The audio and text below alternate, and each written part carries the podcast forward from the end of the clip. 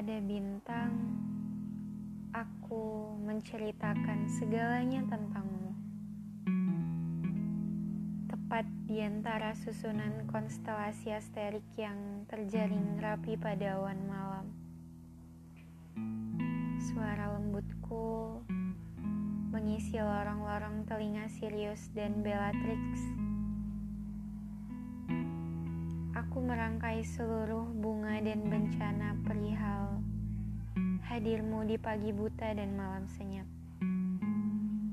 Aku bercerita tentangmu kepada jutaan saksi cahaya atas netraku yang berbinar dan bibir bergetar.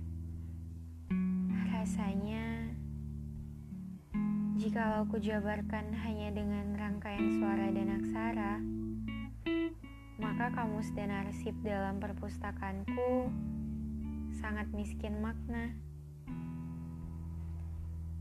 Tentangmu yang begitu paripurna, aku jatuh cinta dengan untayan rambut hitammu. Aku ingin semalam saja terdampar di dalam pulau bahasa bersama Chandra dan gemerlap lautan bintang untuk mengenang rekaman suasana kala itu. Kau duduk di bawah pohon rindang sendirian,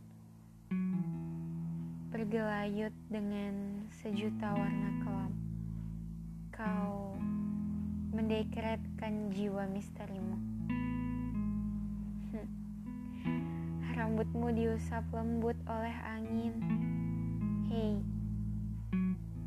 itu tanganku dalam wujud doa tentang senyummu yang cemerlang. Kau mengukir cekungan selayaknya sepasang kedasih mungil pada pipimu. Sedang aku hanya melihat dari jauh segalanya tentang gerak-gerikmu. Anggap saja aku ini adalah sebuah patung maka hadirku hanya sebagai saksi bisu. Kemudian, dirimu adalah peristiwa sejarah yang paling hafal kurapal dalam ruangan kedap suara. Hadirku hanya sebagai patung, menikmati semuanya dari balik bayang-bayang semu. Tidak boleh menaruh rasa maupun karsa tentang struktur tanganmu itu. Aku melihat sejuta alur takdir yang tidak tertulis namaku padanya. Mungkinkah aku adalah debu yang tidak sengaja singgah dan menghilang dalam basuhan air? Tidak masalah jikalau itu air matamu. Hei rasi bintang, bisa kau untuk sehari saja aku berbicara padanya? Berdiri di depan sepatunya sembari menyimpan memori ke dalam amigdala ini. Tidak apa jikalau hanya satu kalimat, akan kusebut nama lengkapnya dengan yakin. Untuk sekarang, satu-satunya hal yang bisa kunikmati adalah berlayar pada dermaga hayal. Perihal memakan hari beriringan dengan rontoknya gigi kita satu persatu.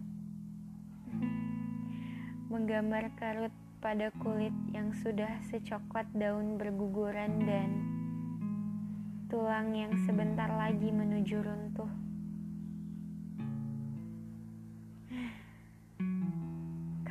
Aku tahu kamu adalah sebuah negara dan aku adalah pengelana tanpa peta.